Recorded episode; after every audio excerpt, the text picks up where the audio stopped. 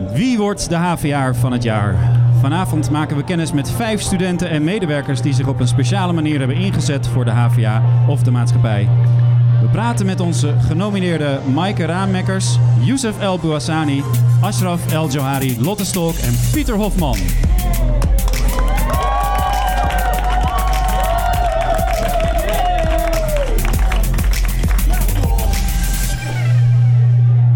Fijn dat je luistert naar deze speciale eindejaarspodcast van HVA vanuit Café Vest.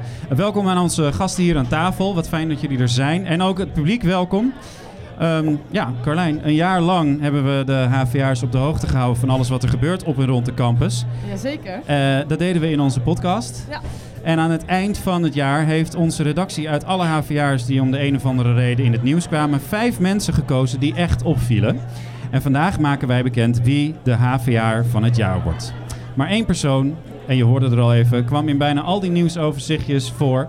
Eh, ze is al een paar weken niet meer werkzaam op onze redactie en ik ken mensen die dat heel jammer vinden. Ze zitten hier in de zaal. Alex, eh, naast mij hier aan tafel zit Carlijn Schepers. Hoi Carlijn. Hoi Daniel. Hoe is het om weer terug te zijn? Ja, heel erg leuk. Leuk om het nog één keer te mogen doen eh, hier aan tafel. Het lijkt wel een beetje RTL Late Night, eh, de setting. Oh, ik dacht zelf meer aan iets van de publieke omroep, maar dat is Nou, oké. is ook Eh, je hebt over de publieke gesproken. Je komt net uit Hilversum Ja, met de trein. Ja, Je hebt ook niks kunnen voorbereiden Nee. voor vanavond. Dus jouw rol is helemaal vrij. Ja, En daar ben je heel goed in, want Carlijn die is altijd degene die niks van moeilijke woorden snapt en dan vraagt... Wat bedoel je daar eigenlijk mee? bedankt Daniel. Nee. Nou toch? Zo is het wel. Sowieso, nee. eh, jullie, eh, alles wat jullie zeggen en wat ik niet begrijp? Ik vraag meteen wat jullie ermee bedoelen, zeker. Goed. We gaan beginnen met onze eerste genomineerde. En ik ben benieuwd of die alweer een beetje op adem is gekomen. Ik heb afgelopen jaar 12 marathons gelopen om geld op te halen, maar ook om bewustzijn te kweken voor eh, de ziekte van eh, Huntington. De man die 12 marathons eh, gelopen heeft dit jaar. Ik, ik vind het een behoorlijk hoogtepunt als je leidinggevende met, met, met spandoek, met bokaal, met een speciaal voor mij gemaakte trui op me staat te wachten. Had ik niet op gereden.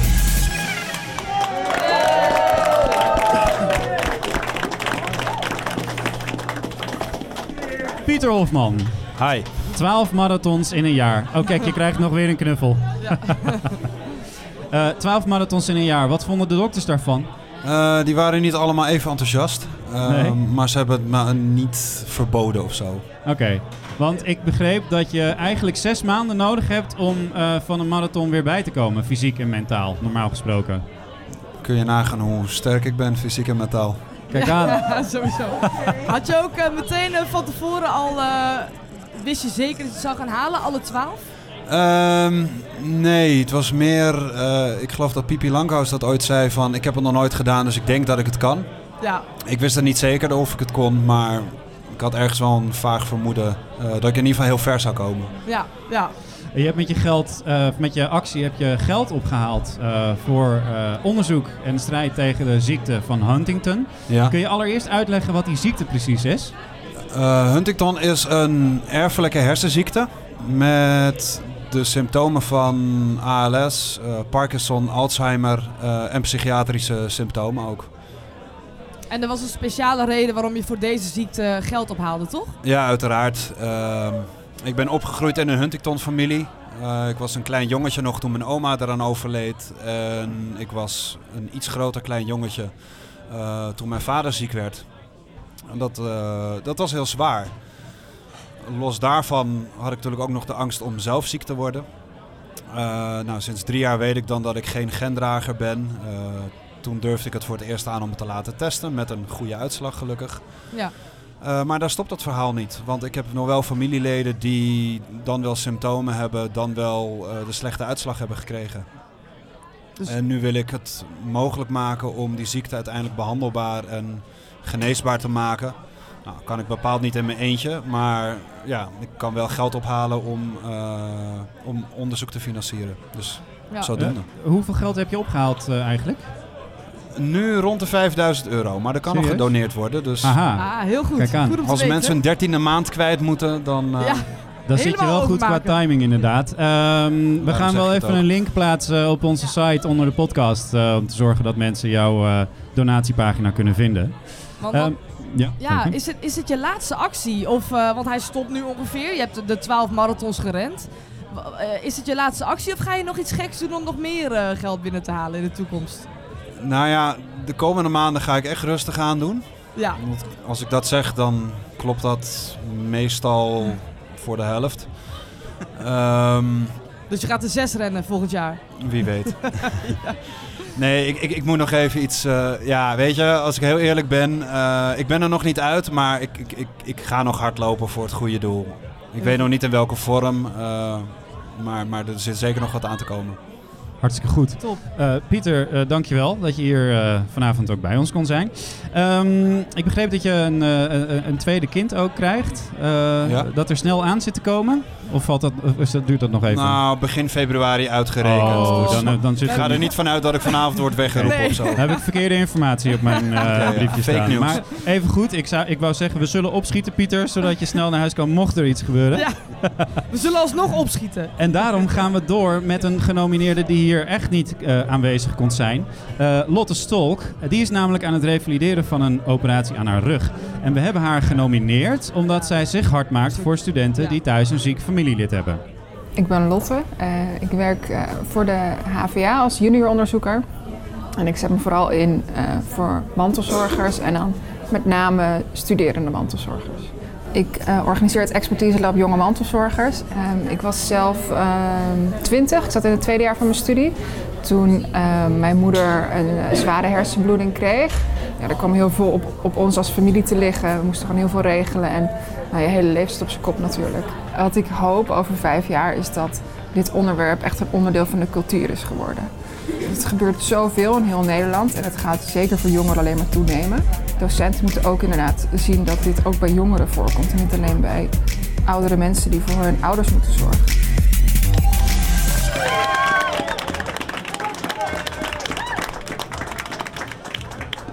Dat was Lotte Stolk. En zij was in het voorjaar alles bij ons eh, in de podcast om over dit onderwerp te praten. Eh, dat was heel kort. Eh, later schreef ze voor HVA een heel artikel om aandacht te vragen voor die mantelzorgende studenten. En nu is ze dus met die studenten in gesprek met pizza-sessies, net als collegevoorzitter Huip de Jong. Goed idee. Ik denk dat het heel goed is dat ze hier aandacht voor vraagt. Wat jij, Carlijn? ja, sowieso. Wat ze zelf ook al zegt. er zijn steeds meer studenten die hier wellicht mee in aanmerking komen, of in aanraking komen. Eh, dus het is zeker goed eh, als ze daar aandacht aan besteden. En dat die studenten toch kunnen blijven studeren. Ja, Terwijl ze voor iemand moeten zorgen. ik ben benieuwd waar dat toe gaat leiden. Ja, zeker. Eh, voordat we naar de volgende genomineerden gaan en we hier toch met allemaal vrienden van HVA zitten, wil ik heel even iets zeggen tegen mijn collega's van de HVA-redactie. Eh, want met weinig mensen en weinig tijd en ook wel een beetje weinig geld, ehm, hebben zij toch maar vanaf de nul een heel medium opgebouwd voor de studenten en de medewerkers van de HVA. En eh, dat is hard werken en soms is het ook niet makkelijk. En, maar ik wil ze wel ontzettend hartelijk bedanken. En geef ze een groot applaus, de redactie van HVA.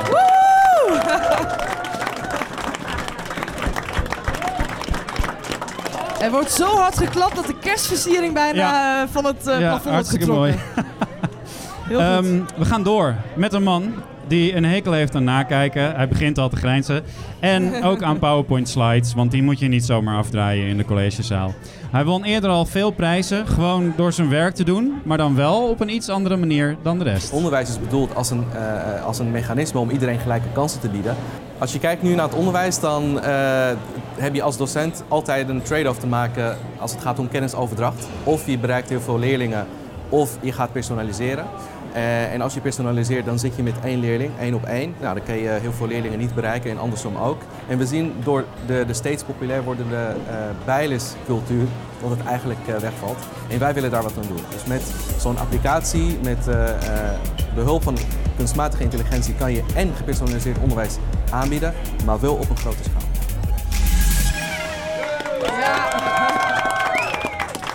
Heel goed. Nou, nu, nu komen toch een paar eh, moeilijke woorden hoor. Ja. Trade-off, eh, applicatie zullen studenten nog wel kennen. Maar vertel eens even, kunstmatige intelligentie in een app. Hoe gaat dat studenten beter leren helpen met studeren? Ja.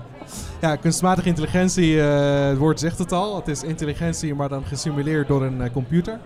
En eh, wat het doet, is het biedt studenten de mogelijkheid om eh, een gepersonaliseerde leerroute te volgen. Dus het is niet een eh, one size fits all. maar iedereen, afhankelijk van zijn of haar achtergrond, waar die moeite mee heeft, krijgt een gepersonaliseerde leerroute. En het kan zijn dat iemand er iets langer doet over een bepaalde route en dat iemand anders snel doorheen kan. Ja. En dat is precies wat je nodig hebt. En eh, ja, Want hoe, hoe werkt het dan concreet? Je hebt een app. En eh, stel, ik heb een, eh, een, een tentamen geschiedenis. Ja. Hoe gaat die app mij dan helpen bij dat tentamen? nou, wat je doet is, je kiest een, een einddoel waar je wil bereiken. Of Ja. een docent kiest een doel van, oké, Ja. ik wil dat jullie over drie weken daar zijn. Ja, En dus het eindstreep is voor iedereen hetzelfde, maar hoe je daar komt is voor iedereen anders. oké. Of het kan in ieder geval voor iedereen anders zijn. En hoe dat werkt, eh het kan je vergelijken met wat er in, eh, in een bijles gebeurt. Nou, je komt met een vraag, een bijlesdocent stelt jou een vraag terug. Kijkt precies waar de hiaten in de kennis zitten. En gaat je precies hetgene uitleggen wat je op dat moment nodig hebt om net een stapje verder te kunnen. Ja. En dat is wat het algoritme doet. Dus En probeert... dat kan die app dus ook allemaal? kan die app Net als die bijlesleraar? Ja, Oké. ja. En wij, d- dit ontwikkel ik samen met een vriend van mij, Jonas, die helaas vanavond er niet bij kon zijn. Maar we zien dat als een alternatief voor mensen die de bijles niet kunnen betalen. Er zijn steeds meer leerlingen en studenten die bijles nodig hebben. Eh, als je het geld hebt, dan eh, mooi. Als je het geld niet hebt, dan betekent dat er eh, kansenongelijkheid ontstaat. Ja. En juist daar is onderwijs niet voor bedoeld. Dus wij willen dan als een alternatief bieden om, eh, bieden om die studenten een kans te geven. Ja. Ja. Ik zei net al even dat je behoorlijk veel prijzen al in de wacht hebt gesleept de afgelopen mm, twee jaar. Ja? Ehm, je bent een jonge docent. Er zijn heel Ja. veel jonge docenten, denk ik, die het onderwijs willen verbeteren. Waarom denk jij dat jij nou zo opgevallen bent de afgelopen twee jaar? Vind ik een hele goede vraag. Ja, Ehm, Dat is ook ja. moeilijk om over jezelf te zeggen, denk ik. Ja, het is ook moeilijk om ook te zeggen. Ja, ik, ik weet het niet. Ja, eh, het, het, het- het doen waar je zelf in gelooft. Ja, het, eh, ik bedoel, het, het, eh, het onderwijs is nog steeds een eh, mens-tot-mens interactie. Je moet echt, eh, echt eh, niet alleen eh, eh, eh, rationeel iets eh, doordacht hebben en, en snappen, maar ook het voelen van oké, ik wil die connectie hebben met mijn studenten. En dat is waar het om gaat. En Ja. als je dat eh, weet op te brengen en te waarderen in het vak als Ja. van een docent, dan, eh, ja, dan En, je en je laat ook wel je mening horen. Ik bedoel, ik zie je ook regelmatig in, in landelijke media en dan eh, steek je je mening echt niet onder stoel of banken over het onderwijs, over het lesgeven. Nee, nee, precies. Nou, Ja, ja, Wel, confronterend. wel goed om te Ja, doen, het- toch? het- ja. ja we, hebben, we, hebben, we moeten elkaar kunnen confronteren met dingen die niet goed gaan. Ja. We kunnen niet doen alsof het allemaal goed gaat en we Ja. vinden elkaar aardig. Eh, dat is leuk, maar als je echt iets wil verbeteren eh, eh, of wil innoveren, dan moet je elkaar op een constructieve manier kunnen confronteren met dingen die niet goed gaan. Ja. Ja.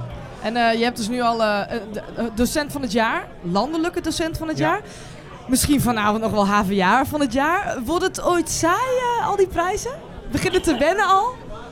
Ja, nou ja, het- ik, ik vind het leuk. Ik vind het Ja. leuk vooral om hier vanavond te zitten met eh, andere mensen die je niet zo snel misschien tegenkomt in eh, je dagelijks werk. Die ook hele bijzondere dingen aan het doen zijn. Ja. En hopelijk is vanavond voor mij ook een moment om kennis te maken met die mensen en misschien een langere, ja. Ja. een langere eh, relatie. eh, We gaan het zien. ja. En we gaan Ja. ook zien of jij misschien degene bent die die eretitel achter je naam mag schrijven. Ehm, we gaan door met de volgende genomineerde. Die wordt door haar collega's gezien als, en ik quote, een stoerwijf met een sterk rechtvaardigheidsgevoel. En dat liet ze dit jaar zien met een bijzondere actie. In mijn team zit taal- en schakeltraject en daarin begeleiden wij vluchtelingsstudenten. eh, die bereiden we voor op een studie aan de Hogeschool van Amsterdam. En het afgelopen jaar is een van onze studenten eh, overleden. Wij stonden met z'n allen zo machteloos en we wilden heel graag wat doen. Dus wij hebben buiten werk om eh, een fonds opgericht om eh, eh, het dochtertje wat, eh, wat zij achterlaat, om dat uiteindelijk een eh, studiefonds aan te geven. Onlangs heeft nog een van onze eh, collega's een veiling georganiseerd van al haar schilderijen waar mensen konden bieden. En degene met het hoogste bod die mocht het eh, schilderij mee naar huis nemen. En al het geld is, eh, gaat naar het fonds.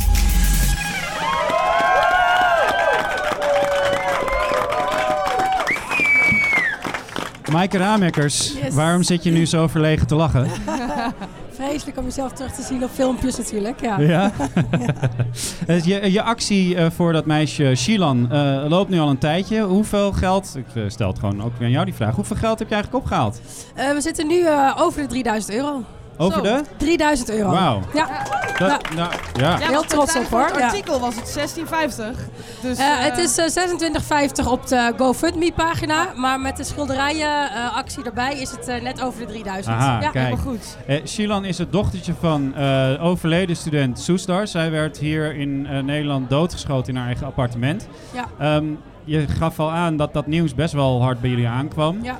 Ehm, wanneer besloot jij om deze actie te starten?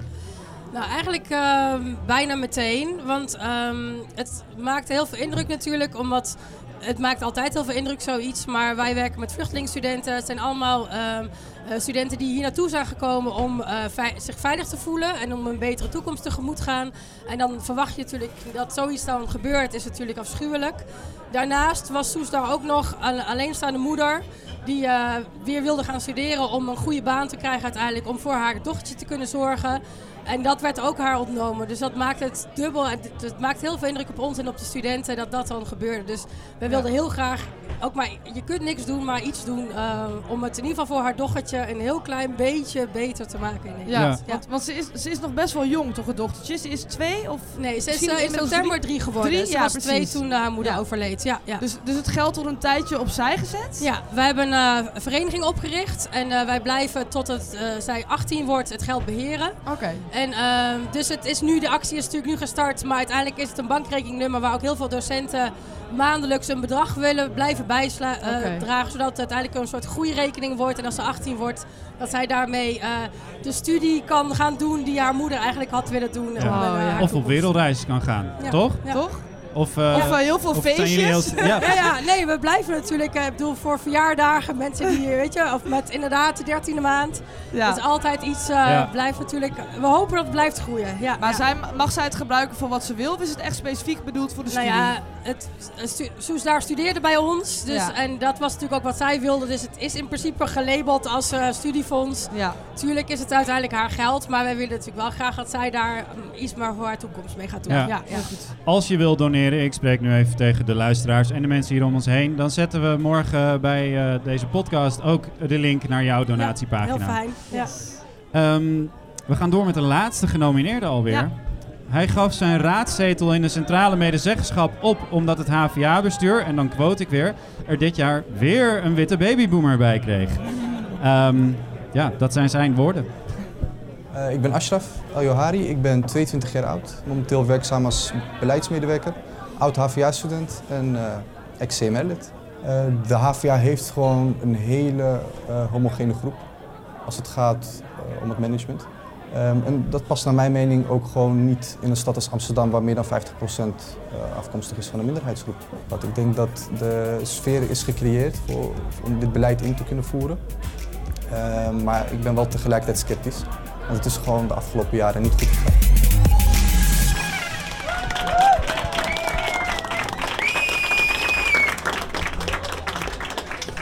Ashraf El Johari, ik weet nog dat we elkaar spraken toen je net die zetel had opgegeven. Eh, toen dacht ik, het zal nog wel even duren voordat zo'n grote logge organisatie als de HVA daar echt iets mee gaat doen met die boodschap.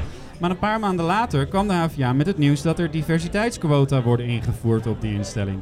Missie geslaagd? Ehm, ja. Ik heb gebruik gemaakt van het momentum. Eh, de sfeer is gecreëerd om het beleid in te kunnen voeren. Ehm, maar ik ben, zoals ik al zei, tegelijkertijd sceptisch. En waar ben je sceptisch over? Omdat het eh, wel zo is dat het tegelijkertijd dezelfde mensen zijn die afgelopen jaren het beleid niet goed hebben uitgevoerd, waardoor er zo'n homogene groep in het management is ontstaan. Ja.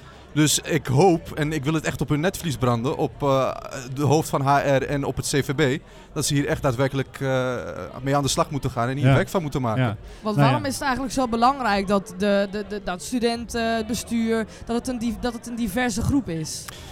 Nou, voor heel veel mensen doet dat wat eh, met legitimiteit van het bestuur.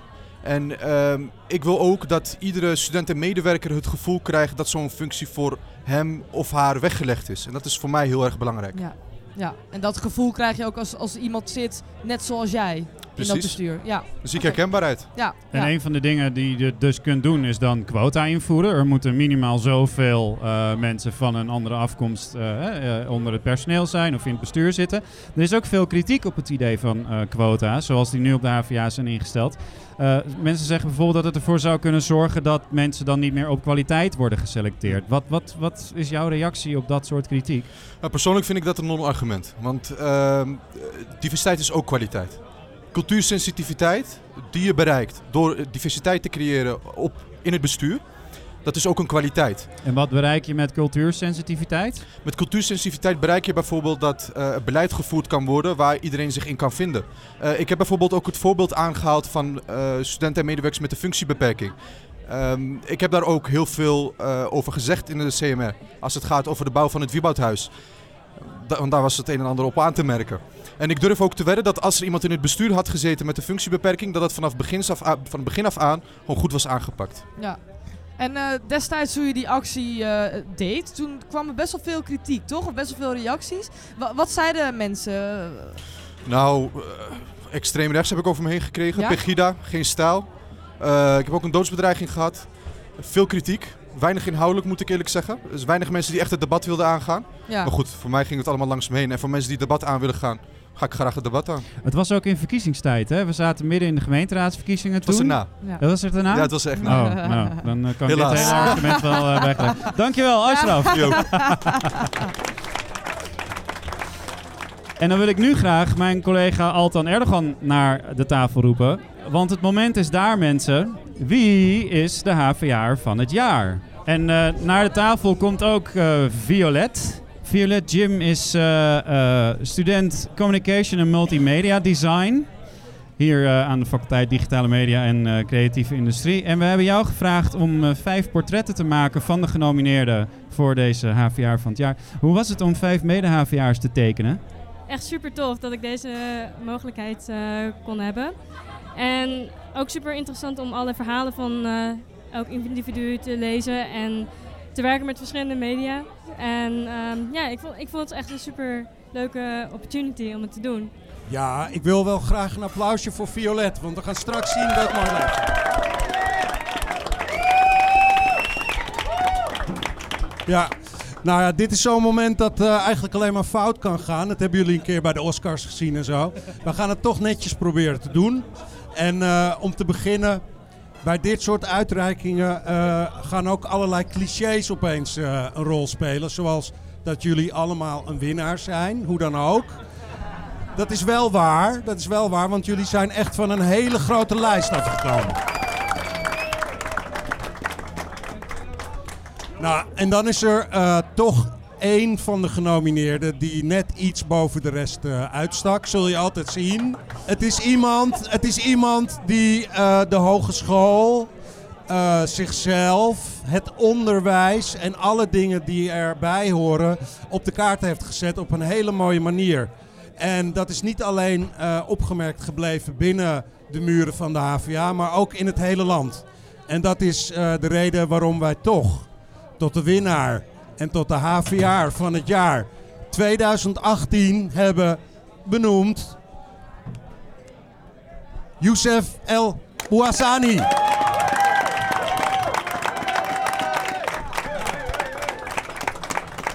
Hartelijk gefeliciteerd. Ik geef jou even de microfoon en dan kun je naar Daniel.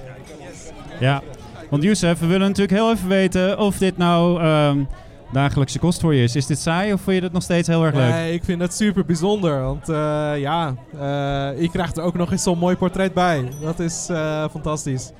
Ja, wat ik net zei, ik hoop dat vanavond voor mij een moment is om ook andere mensen te ontmoeten die inspirerend zijn. Ik was net aan het praten met Pieter over hoe fantastisch ik het vind dat je 12 marathons rent om geld op te halen. En dat, dus ja, ik, ik, ik hoop dat we elkaar vaker gaan zien en elkaar vaker gaan inspireren.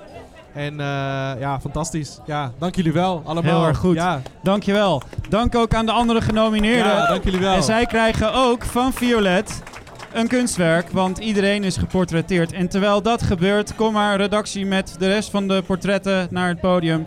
Gaan wij de podcast afkondigen, want dit was het voor dit jaar, Carlijn. En voor altijd voor mij. Voor altijd voor jou, ja. Ik wil je nog één keer bedanken dat je samen met mij wilde presenteren.